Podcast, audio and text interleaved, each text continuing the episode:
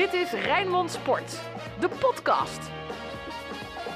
Goeiedag, goed dat je weer naar ons luistert. Deze podcast, zoals elke vrijdag, want dan komt u online, is natuurlijk enkel en alleen gewijd aan Feyenoord. Blikken we vooruit. We is in dit geval Sinclair Bisschop en ik. We gaan ook samen verslag doen van de wedstrijd Sinclair bij de Hekkensluiter, bij, eh, bij ADO uit. We gaan het over tal van zaken rondom de club ook nog hebben. Feyenoord City zal vandaag natuurlijk een gespreksonderwerp zijn, maar eerst maar even over het sportieve. Feyenoord naar de Hekkensluiter. Dit kan maar één ding betekenen. Ja, Feyenoord heeft het altijd lastig. Hè? Zelfs in het kampioensjaar toen uit de nauwnood eh, werd uh, gewonnen. Maar, uh, en Feyenoord bij een hekkensluiter, dan moet je het ook altijd maar zien. Hè? Want ja.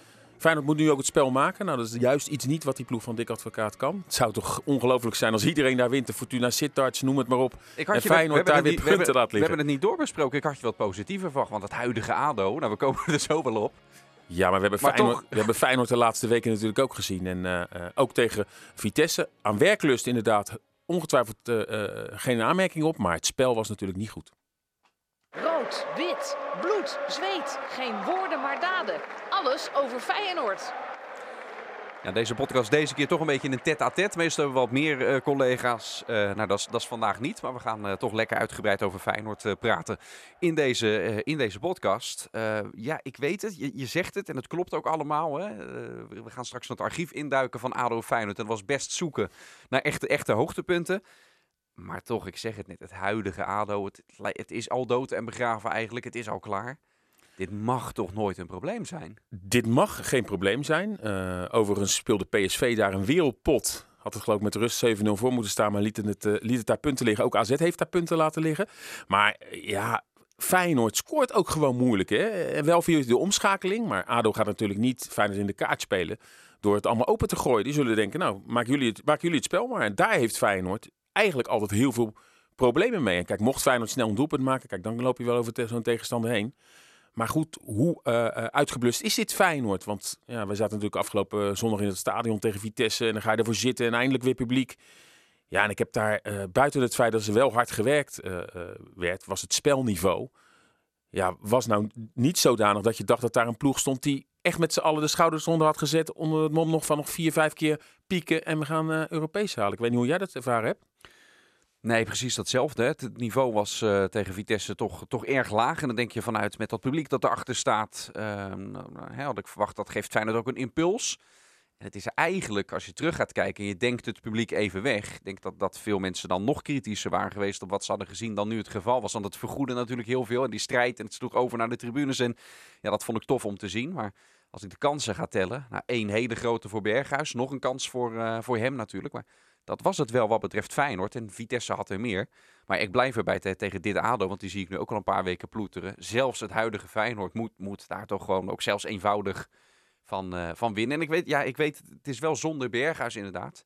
Ik ben erg benieuwd ook wat de impact daarvan gaat, uh, gaat zijn. Ja, en we hebben natuurlijk heel vaak gehad, uh, ook in het kampioensjaar, dan ging Feyenoord op bezoek bij Hekkensluiter Go Ahead Eagles. En we ja, hebben nog tal van voorbeelden, RKC. En dan, uh, ja, dan had je van tevoren echt zoiets, nou, Oh, heeft Feyenoord een hele slechte dag, win je nog van zo'n tegenstander. Maar dan kwam het ook niet vaak goed. Dus ik, ik hoop dat Feyenoord uh, uh, ja, deze wedstrijd in ieder geval gaat winnen. Zodat die klassieker Feyenoord-Ajax sowieso wat meer cachet krijgt. En dat Feyenoord toch nog misschien, want ik zie Vitesse toch misschien ook in paniek raken de komende weken. Nou ja, dat kan, je weet het niet hè. We, we, hebben een keer Vitesse-ADO gehad. Dit seizoen gingen we allemaal vanuit iedereen, oh, die wint Vitesse. En als Feyenoord nu morst, volgens mij was het richting Utrecht uit. Nou, dan is het wel gebeurd. En opeens liep het helemaal anders. Je moet maar kijken, Vitesse met al die schorsingen. Zaterdagavond spelen ze al thuis tegen Pek Zwolle. Vorige keer gewoon hartstikke goed bij Herenveen uit natuurlijk gedaan, ook, ook avond Herenveen. Dus die kunnen profiteren. En, en voor hetzelfde heb je het scenario dat je alsnog toch over ze heen kan. Dat, dat zal ook wel weer een boost meegeven eh, waarom ze het echt niet gaan laten lopen in, uh, in Den Haag. Ja, jij zit het net zelf al aan, hè? zonder Berghuis. En ja, we hebben dat uh, één keer dit jaar eerder meegemaakt. Eigenlijk twee keer. Thuis tegen Heracles werd hij ja. gespaard, werd hij later ingebracht. Maar uit bij Vitesse. De eerste nederlaag onder Dick Advocaat was Berghuizen vanwege een blessure niet bij. In alle andere wedstrijden daarna uh, wel. Uh, die verloor Feyenoord overigens bij Vitesse. Ondanks dat er in de tweede helft wel goed gespeeld werd. Maar ik ben wel benieuwd, uh, inderdaad. Misschien al vooruit bordurend ook op volgend seizoen. Hoe Feyenoord dan zonder Berghuis gaat acteren. Want ja. dat vergt natuurlijk ook een heel ander spelsysteem. Hè? Laten we eerlijk zijn, Berghuis is een dominante speler. Hij eist alles op. Niet alleen de hoekschop en de vrije trappen. Maar elke bal wil hij in de voeten hebben. Waardoor en dat hebben we eigenlijk Linsen naar Utrecht ook wel een beetje horen zeggen, het als spits best wel moeilijk is. Want eigenlijk gaat alles naar Berghuis in plaats van naar de, de, de man, hè, of naar Jurgensen is of de spitspositie. Dus Feyenoord zal nu echt als team moeten opereren. Uh, uh, en ik ben benieuwd, misschien dat dat juist uh, wat verfrissender voor sommige jongens kan werken. Want laten we eerlijk zijn, het is nu eigenlijk heel fijn, dus op Berghuis afgericht. Vandaar ook die hoge statistieken.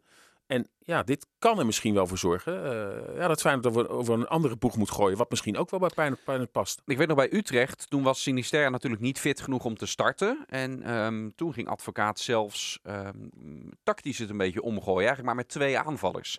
Nu mist hij ze echt de rechtsbuiten. Verwacht je dat hij dat weer gaat doen? Of tegen dit ADO dat bijvoorbeeld Sinisterra naar rechts gaat, Linsen naar links en toch een van de spitsen hun kans krijgt. Dus dat je wel eigenlijk hetzelfde stramien hebt als, als altijd. Daar neig ik een beetje naar dat hij dat gaat doen. Dat, dat hoop en denk ik wel, maar de vraag is hoe fit is Jurgensen? Uh, vorige week zat hij dan eindelijk weer op de bank, uiteindelijk niet ingevallen. Maar is er natuurlijk wel weer een paar weken met een enkel blessure uit. Uh, het is weer, wel weer ook kunstgras, hè? Uh, oh nee, ze hebben echt gras in de Ze hebben echt gras. Maar feit is wel van, um, hoe lang kan hij spelen daar?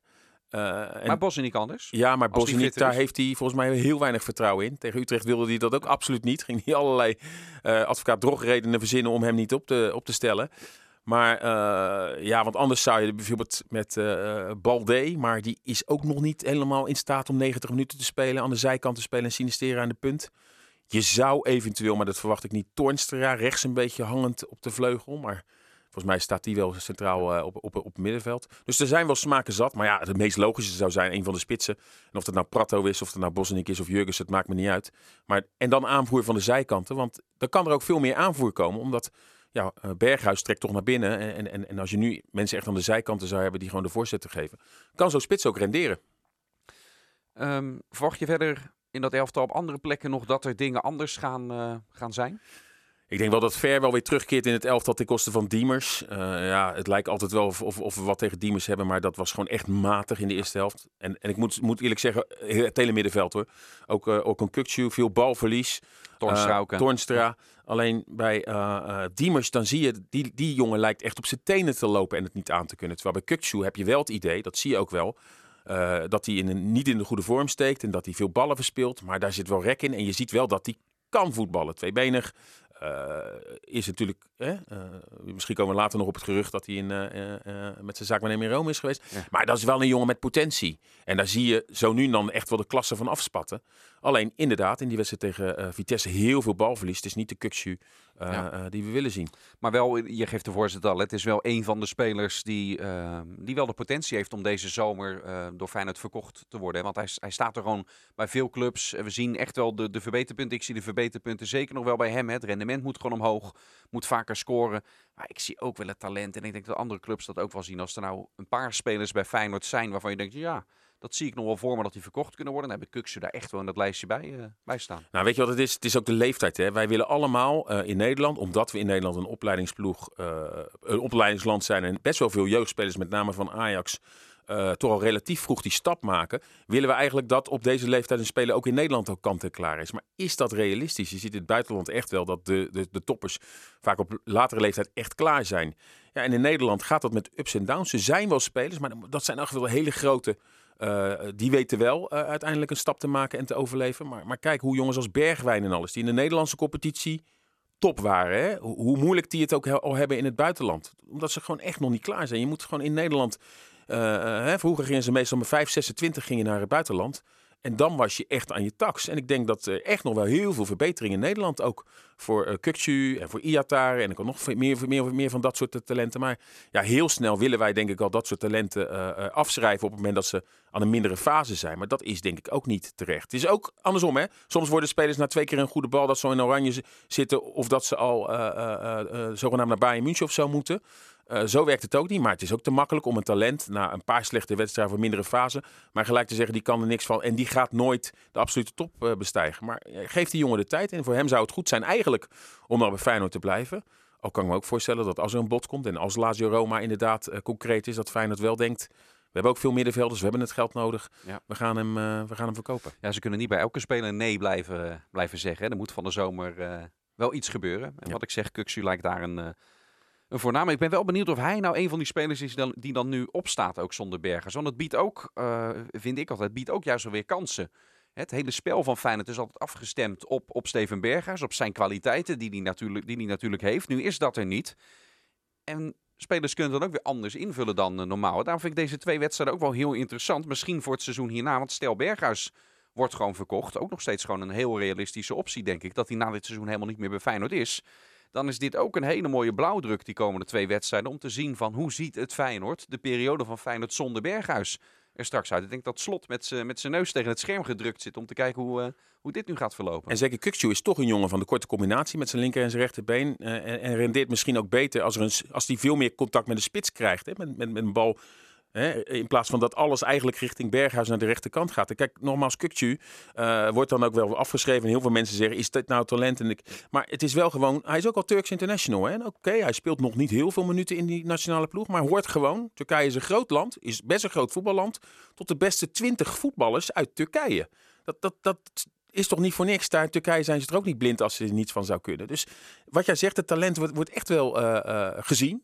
Alleen het moet er wel eens uitkomen. En, en, en dat werkt soms bij spelers dat dat wel eens tijd nodig heeft. Maar ik zie dat wel zitten. Hoe, kijk, hoe heb jij eigenlijk wel naar uh, de hele soap rondom Berghuis gekeken? Die met rood eraf gaat en eigenlijk ja, helemaal beschermd wordt uh, door ja, eigenlijk heel Feyenoord. Straf is natuurlijk geaccepteerd, maar ja. er is nou niet gezegd dat, dat mensen uh, vonden dat hij echt zijn ploeg dupeerde en nee. dat er een straf of een sanctie tegenover En dat, dat had ik wel verwacht. Hè. Ik zei het ook in het interview met Ver, wat ik vlak na die wedstrijd had. En ik begrijp enigszins dat is nog voordat uh, het schikkingsvoorstel er is. Hè. Dus ik begrijp dat je als club zijnde en medespelers, dat, dat iedereen de opdracht misschien ook wel heeft gekregen, hou de kaart een beetje tegen de borst, want anders krijgt hij eigenlijk drie of vier wedstrijden. Hè? Als iedereen nu gaat zeggen van, uh, ja, heeft, uh, dit, is, dit is al vaker gebeurd en uh, het kan echt niet meer en de frustratie druipt er van. Als je dat gaat zeggen, heb je kans dat hij een hogere straf krijgt. Dus vanuit die kant begrijp ik het. Dat, dat, hè, dat, dat Ver en, en advocaat in zekere zin zich niet echt kritisch erover uitlaten. Aan de andere kant, uh, iets kritischer dan dit had ook wel gekund. Hè. Het werd heel erg met de mantel de liefde bedacht. Van ja, hij weet het zelf ook wel.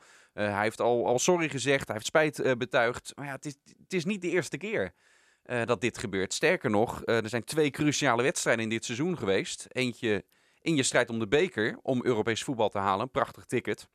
Waarbij je mede of grotendeels door die rode kaart natuurlijk eruit ligt. Nou, vervolgens kom je verderop in het seizoen, kun je alsnog die play-offs ontlopen en een Europees ticket halen. En precies bij die cruciale wedstrijd, want dat was deze tegen Vitesse, ja, gebeurt hem gewoon hetzelfde. Dupeert hij zijn ploeg door, door vroegtijdig van het veld worden gestuurd. En dan, ja, dan past er wel iets meer kritiek, uh, vind ik dan, uh, alleen maar te zeggen van ja, hij heeft al sorry gezegd en het hoort nu eenmaal ook een beetje bij hem. Hij moet, hij moet er wel van leren. Maar ja, hij is al 29. Ja, dat ik, uh, het geeft mij niet echt het vertrouwen dat het, dat het ook een keer opgelost gaat, uh, gaat worden, dit aspect van hem. Ja, en, en hier lijkt toch ook wel, vorige week natuurlijk ook een artikel in het NRC met uh, Dick Advocaat, en dat proeven wij ook al bij Dick Advocaat, dat die ja, het seizoen wel een beetje uitzinkt. En de Dick Advocaat van vijf of tien jaar geleden had waarschijnlijk toch anders met zo'n situatie omgegaan. En dat vind ik dan wel, dan laat hij het eigenlijk een beetje versloffen. En is dit dan ook niet een richting andere spelers die dan ook denken van ja, als onze aanvoerder eigenlijk zich alles maar kan permitteren en het wordt allemaal de, de, de, de, met de mantel de liefde bedekt. Uh, wat, wat, kunnen wij dan allemaal niet? Het is natuurlijk gewoon een heel slecht signaal, een heel slecht voorbeeld. En jij geeft deze uh, twee wedstrijden aan, maar het is natuurlijk, hij is natuurlijk ook best wel vaak weggekomen met rare incidentjes. Ja. Uh, dus ja, wat dat betreft moet Feyenoord daar wel wat mee. En, en, en, en, en natuurlijk, Berghuis, wij kennen hem ook. Het is een, hè, niet alleen een goede voetballer, maar hij is ook een, een aardige, slimme jongen die ook heel goed over het spelletje nadenkt. En ook als eerste uh, vaak weet hoe die dingen uh, in de kiem moet smoren. We weten ook nog toen Feyenoord de beker won, dat hij dat ook eigenlijk heel leuk oploste ja, als akkefietjes. Ja. Want in dat jaar had hij ook, was hij op de vuist gegaan met, uh, met Van Beek. En dan akkefietje met, met Amrabat. En dat deed hij toen tijdens de huldiging, deed hij dat op een leuke manier deed hij dat, oplossen. Dus wat dat betreft is een slimme jongen. Ik begrijp alleen niet toch waar die kortsluiting vandaan komt. Hè? En, en dat, dat aan de andere kant, als je dat gaat analyseren, is dat gewoon natuurlijk frustratie. En dat, dat is ja, natuurlijk veel frustratie dat het gewoon niet loopt. En dat hij dus vindt uh, dat Feyenoord dus helemaal niet maximaal haalbaar eruit had. Dat er veel meer mogelijk is. En dat het spelsysteem dan ook niet het spelsysteem is wat, uh, waar hij voor staat. Nee, maar maximale wordt er natuurlijk ook niet, uh, niet uitgehaald. Dat lijkt me dat iedereen dat ook wel ziet. Hè? Als, als je kijkt waar Feyenoord staat nu dit seizoen, dan kun je, kun je dat nooit zeggen. Hè, wat wel bij hem uh, blijft. Enerzijds is het de speler met, uh, met het hoogste rendement. En die in aanvallende zin heel veel bijdraagt. Maar altijd als er, als er eh, eh, kritiek is, en juist de beste spelers, eh, van kritiek zou je ook kunnen leren. Als daar gaat om, verdedigen, om mee verdedigen, of de plek van druk zetten, of dit, dit rauwe aspect waarbij die eh, wel eens goed wegkomt bij overtredingen. Daar stapt hij altijd heel, eh, heel, heel makkelijk overheen. Van ja, dat hoort ook een beetje bij mij. En dat vind ik zo lastig te rijmen met enerzijds wat ik echt wel aan hem zie van het is een winnaar. En hij wil, elke training wil hij beter worden. En hij is ook bezig met zijn medespelers en met zichzelf. En dat zie ik ook op de spaarzame trainingen die we kunnen zien. Dus enerzijds heb je echt dat winnaarsaspect van altijd alles willen verbeteren. Maar als het dan op, op, op karakterpunten aankomt, dan lijkt dat aspect opeens verdwenen te zijn. En dan, dan gaat hij opeens dingen zeggen van ja, zo ben ik ook nu eenmaal. Ja, maar, maar, en dat vind ik zo, zo lastig met elkaar te rijmen. maar in het Nederlands elftal eh, gebeurt dit niet. En ik verwacht ook niet dat hij dat daar doet. En dat, dat denk ik toch, dat heeft met pikorde te maken. En hoe je dan toch bepaalde eh, zaken managt. En eh, ja, het is natuurlijk al in het verleden, eh, had dit gewoon al beter aangepakt moeten worden. En nu eh, help je het eigenlijk toch een beetje in de hand. En ja, volgens mij moet Dick Advocaat ook geleerd hebben van zijn Sparta-periode. Toen had hij ook een aanvaller, oud Feyenoord, komende zondag tegenstander van, eh, van Feyenoord met Michiel Kramer, die toen bij, bij eh, Sparta speelde. En eh, in de wedstrijd tegen Vitesse zomaar Butner een trap gaf, waardoor die zeven wedstrijden geschorst was in de cruciale fase van Sparta. Waardoor Sparta uiteindelijk misschien mede daardoor degradeerde. Dus dan denk je van, als advocaat zijnde, je moet dit soort dingen gewoon in de kiem smoren. En heftig, eh, desnoods toch een goede, goede boete geven. Want dit mag gewoon in de toekomst ook niet meer gebeuren. Maar als je als speler eigenlijk, ja, er zijn nauwelijks sancties. Dan denk ik ook dat je het een beetje eh, in de hand werkt. En Ja, is, maar er is al bijna geen toekomst meer natuurlijk. Dit had dan naar Heerenveen uit moeten dan gebeuren. had Feyenoord, eh, niet advocaat, maar had Feyenoord misschien eh, de directie eh, moeten zeggen... Hey, dit willen wij niet als Feyenoord zijnde. Dat een ploeg, want dit is gewoon echt, dit is gewoon naschoppen. Je bent niet te laat. Als je echt te laat bent, dat kan gebeuren in het heetst van de Maar dit is gewoon bewust je frustraties uiten. Eh, waar ja, in mijn op, op, op, optiek ook door de club een sanctie eh, voor gegeven moet worden. Want je dupeert je club enorm. Wie, wie weet, mede door dit incident loopt Feyenoord wel Europees voetbal mis, wat heel veel geld eh, kost. De prestigewedstrijd Feyenoord-Ajax gaat hij ook missen. Toch een belangrijke pot voor Feyenoord ook qua prestige. En zo kan ik nog wel tal, hè, jij noemt de bekerwedstrijd bij Heerenveen. We kunnen nooit bewijzen of Feyenoord die beker had gewonnen. Maar uiteindelijk was dit wel een heel cruciaal moment waardoor Feyenoord een 3-1 voorsprong weggaf in, eh, in Friesland. Ja, ik, ik, ik vind het te makkelijk om daar maar overheen te stappen door maar te zeggen, ja, nou ja, zo is die. En eh, Ja, eens. kijk eens ook naar de, de goede cijfers van deze jongen. Hey, er is geen publiek bij eh, dit weekend. De KNVB heeft nog wel de poging gedaan om ook bij ADO Feyenoord, onder andere maar al die eredivisiewedstrijden van dit weekend, om, om die pilots door te laten lopen. Vind je het logisch dat het kabinet zegt van nou dat gaan we niet doen? Nou ja, logisch, logisch.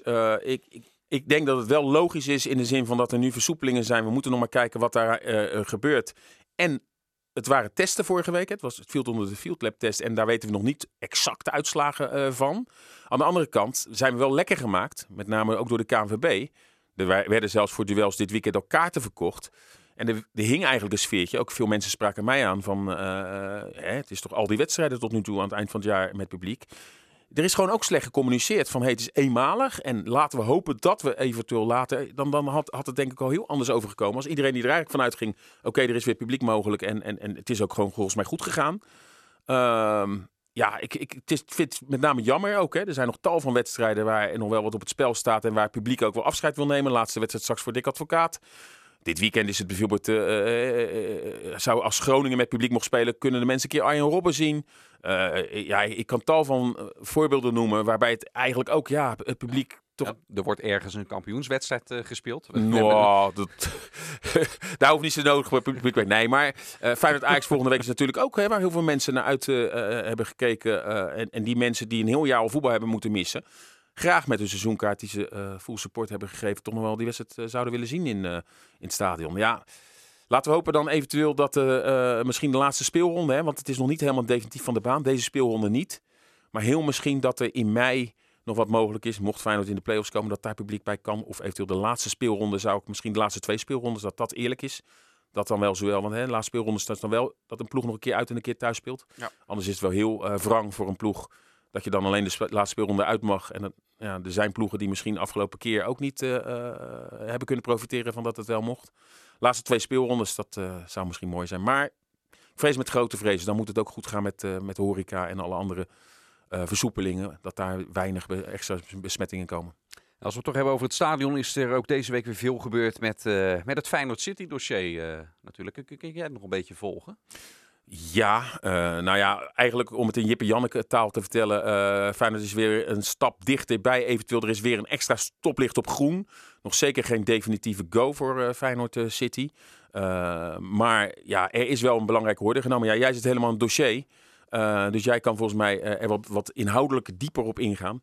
Maar ja, heb jij het gevoel dat het er gaat komen, dat, eh, dat nieuwe stadion, naar aanleiding van wat er vandaag en de afgelopen dagen gebeurd is? Nou, ik denk inmiddels wel uiteindelijk dat dat, dat, dat stadion er gaat eh, komen. Want ik, ik merk en proef en voel wel aan alles dat er veel partijen, ook Feyenoord zelf, echt wel alles aan gelegen is om het... Uh, om het te laten gebeuren. ze komen ook niet voor niets eerder deze week zelf naar buiten. dat Feyenoord zelf, dat is voor het eerst, echt volledig achter die business case staat. Heel lang werd daar meteen ook een voorbouw achteraan gegeven. ja, we willen er 25 miljoen uh, aan overhouden, maar eigenlijk nog meer dan dat. En tuurlijk, er wordt nog steeds uitgesproken dat die ambitie er wel is. Maar niet meer als keiharde eis op, uh, op papier erbij. Hè? Want er zijn afspraken met de gemeente gemaakt. Nou, daarvan zegt Feyenoord nu, ja, daar voldoet deze, deze business case, dit ondernemingsplan aan. Uh, met ook een ondergrens van 17 miljoen Waarbij ik wel heb van ja, hoe gegarandeerd is dat dan weer? Als het echt tegen zit. Ze hebben het, ze hebben het gehad oh, als het gaat over, over dat ondernemingsplan over een perfect storm scenario. Zeg maar als alles tegen zit, dan nog houdt Feyenoord er 17,5 miljoen aan over. En dat is wat nu het bedrag is. En dan duik ik daarin ook in dat scenario. Ja, ik kan me nog wel inbeelden dat ook daarin er nog meer tegenvallers zijn. Kijk aan welke situatie we nu in de wereld zitten. Uh, en met hoeveelheid wedstrijden die Feyenoord in het plan meeneemt. Ja, stel je grijpt naast Europees voetbal. Uh, en je ligt een keer snel uit het bekertoernooi, dan zit je eigenlijk al in een scenario wat nog slechter is dan dat perfect storm scenario. Dus uh, de, de, de, garanties om er inderdaad op vooruit te gaan, ik vind ze erg ambitieus. Ik vind het uh, met je wensdenken ook, wat, er, wat erin zit. Maar goed, de club zelf heeft, geeft er een klap op. Is dus naar de gemeente ermee gegaan. en het nieuws van vandaag is dat daar ook weer een externe toetsing is gedaan. Van hey, de club kan deze aannames wel maken. Dit gaat het ons opleveren. Maar de gemeenteraad wil weten dat dat ook zo is. Want anders kan het hun ook financieel raken. Stel Feyenoord komt nu met een plan aanzetten en ze gaan eraan failliet. Om eventjes heel uh, zwartgallig neer te zetten. Ja, dan moet de gemeente uiteindelijk ook gaan lappen. Dus goed dat dat getoetst wordt.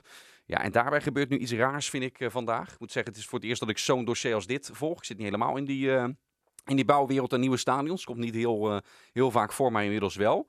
Maar wat er nu is gebeurd, hoe ik hem samenvat, is de gemeenteraad vraagt aan het bedrijf Deloitte wij hebben afspraken gemaakt met Feyenoord waaraan dat nieuwe stadion moet voldoen. Uh, willen jullie voor ons toetsen of er aan die afspraken wordt voldaan? Dat vind ik een redelijk heldere opdracht. Nu is dat rapport met, met die toetsing is er. En dan zeggen ze ja, op heel veel punten uh, voldoen jullie eraan. Of straks ligt allemaal contractueel vast als alle handtekeningen daadwerkelijk zijn uh, omgezet in dat er betaald wordt. Dan, dan kloppen heel veel andere punten kloppen ook. Maar er zijn er twee Daarvan zeggen we niet dat het niet voldoet. Ook niet dat het wel voldoet. Er zijn twee punten. Ja, daar kunnen we eigenlijk geen oordeel over geven. Dat laten we toch weer aan jullie, aan jullie gemeenteraadsleden over. En dat zijn nou net de punten.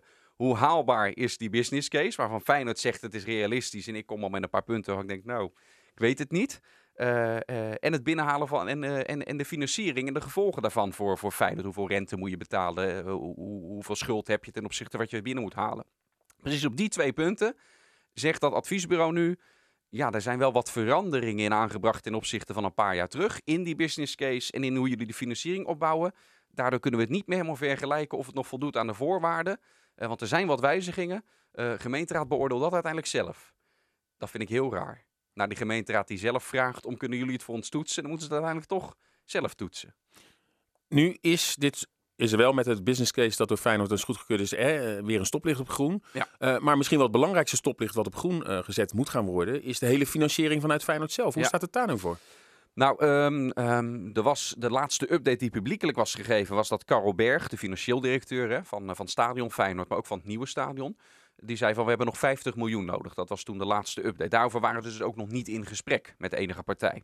Nou, de stand van zaken is nu dat ze voor het volledige bedrag in ieder geval met partijen in gesprek zijn.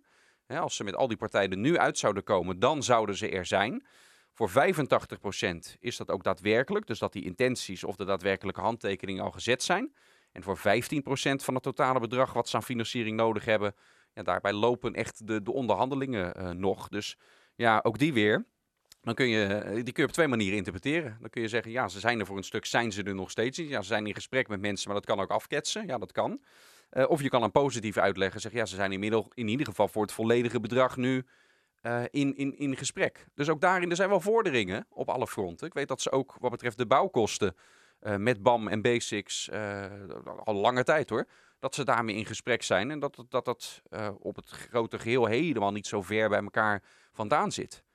Maar de definitieve klap op, op die twee essentiële onderdelen, die is, die is natuurlijk nog niet gegeven. En nu heb ik Mark Koevermans natuurlijk ook al meerdere malen, eh, in het verleden ook zijn voorgangers, eh, horen zeggen wanneer er dan een definitieve go or no-go zou zijn. En iedere keer is die datum maar verruimd. Nu zou komende zomer zou er definitieve klap op worden gegeven. Maar nu hoor en lees je dat er in het laatste kwartaal nu pas eventueel een klap. Is er dan toch weer extra vertraging? Is er dan toch weer tussen aanhalingstekens tijd gekocht gewonnen? Ja, dat komt ook doordat er, is, eh, er loopt ook een zaak bij de, bij de Raad van State nu, hè, door eh, supporters, bedrijven ehm, eh, en, en omwonenden natuurlijk. Hè. Ehm, eh, die zijn naar de Raad van State gestapt van hé, hey, er is al een gebiedsontwikkeling vastgesteld. De gemeenteraad zegt ja, ehm, we gaan dit allemaal bouwen met een nieuw stadion erbij.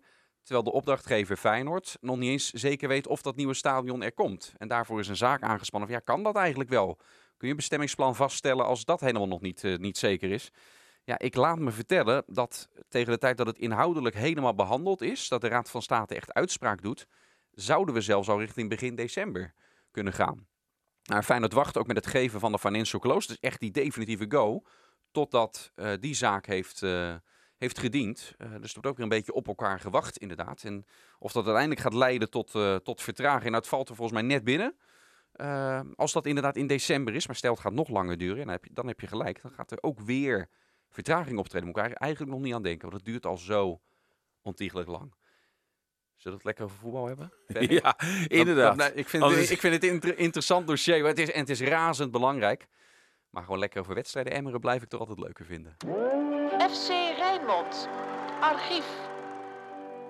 ADO Feyenoord. Mag, ik, mag ik beginnen? Jij mag beginnen. 1991. 1-4.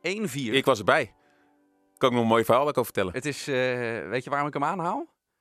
1991 is de laatste keer dat Feyenoord met meer dan twee doelpunten verschil, het waren er zelfs drie toen, uit bij ADO heeft gewonnen. Al die jaren daarna, en ik weet dat ze zijn een tijd weg geweest, maar al die jaren daarna, of er werd verloren of gelijk gespeeld, maar als er al werd gewonnen, was het heel nip met één goaltje verschil. Kortom, het is altijd een rotwedstrijd voor Feyenoord daar in eh, Den Haag. Behalve toen, in 1991. Vertel. Nou, eh, ik ging altijd naar Feyenoord eh, uit. En dan, moest je natuurlijk kaarten regelen van tevoren. En dat probeerde je dan. Maar heel vaak kon je ook nog op de dag zelf wel wat kaarten regelen. En dan weet ik, dan gingen eh, een combi, de trein ging vanaf het stadion. En wij gingen erheen. Alleen, wij kwamen niet in aanmerking voor kaarten. Die konden we toen niet meer kopen. Maar er stonden allemaal zwartverkopers daar. En die hadden wel twee kaartjes nog. Eh, maar dan wel voor Midden-Noord. Ja, en wij wilden eigenlijk wel gewoon naar die wedstrijd. Dus eh, wij zeiden, weet je we kopen gewoon die kaart op. En toen zijn wij dus eh, op de Bonnefoy, ik met een vriend, zijn we dus naar het stadion gegaan. Maar ja, Den Haag was toen echt wel een van de, de eh, gevaarlijkste uitwedstrijden. Dus natuurlijk proberen zo... eh, Ja, je auto stond op zijn kop toen je terug Nee, we zijn volgens mij met, we zijn met openbaar vervoer gegaan. Ik denk met de trein. Of misschien dat we toch met de bussen, met die combibussen mee zijn gegaan of zo. Dat weet ik niet meer. Maar we kwamen in ieder geval Den Haag. Toen liepen we zo in dat park richting dat stadion. Zaten we dus gewoon op Midden-Noord. Nou, heel lang was het volgens mij 1-0 voor ADO. Of het stond heel lang gelijk. Harry van der Laan. Ja, 1-0, ja. En toen scoorde Blinker of zo ook. En toen eh, keken we elkaar aan. We stonden daar op Midden-Noord daarvoor. En allebei onze handjes gingen zo een beetje naar... naar eh, hè. Maar toen hadden we echt zoiets... Ja, als iemand dit ziet, dan worden we echt heel Midden-Noord eh, afgegooid. Uiteindelijk zijn we dus, konden we ook eh, achter de goal. Dat, daar was het al wat iets minder fanatiek. Dus wij, hè, allemaal groen en geel daar. Wij als een van de weinigen zonder groen en gele aan eh, eh, shirtjes of wat dan ook uitingen. Maar ik was wel bij die wedstrijd aanwezig. 1-4, ja. En wat je zegt, uiteindelijk is dat eh, de, de wedstrijd waar ik bij geweest ben... die het makkelijkst gewonnen werd in de afgelopen jaren. Want ja, het is zo moeizaam. Eigenlijk ieder jaar geweest. Ik heb heel veel wedstrijden daar eh, gezien... En dat Feyenoord gewoon echt totaal zichzelf niet was. Of verloor, of, of wedstrijden die gelijk werden gespeeld. De FIFA-goal kan ik me nog herinneren.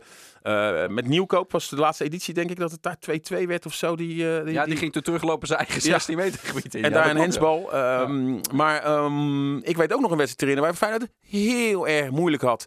Was de opening van het seizoen. Dat was volgens mij Oh, onder Rutte. Ja, ja klopt. Ehm, 2014, dat, dat, dat jaar. En toen, ja, ADO eigenlijk beter. Feyenoord creëerde nauwelijks de kans. En toen in de allerlaatste minuut scoorde tevreden nog met een kopbal 1 tegen 0. En volgens mij kreeg ADO ook nog een rode kaart. Waardoor Feyenoord tegen 10 man, heel moeizaam, Maar die zegen ehm, ja, typeert misschien wel hoe moeilijk Feyenoord het altijd in Den Haag heeft. Dus niet zeg mij dat het komende zondag ineens zomaar een makkelijke editie wordt. Ja, zelfs in het kampioensjaar ook. Hè. Heel uh, moeizaam. 0-1.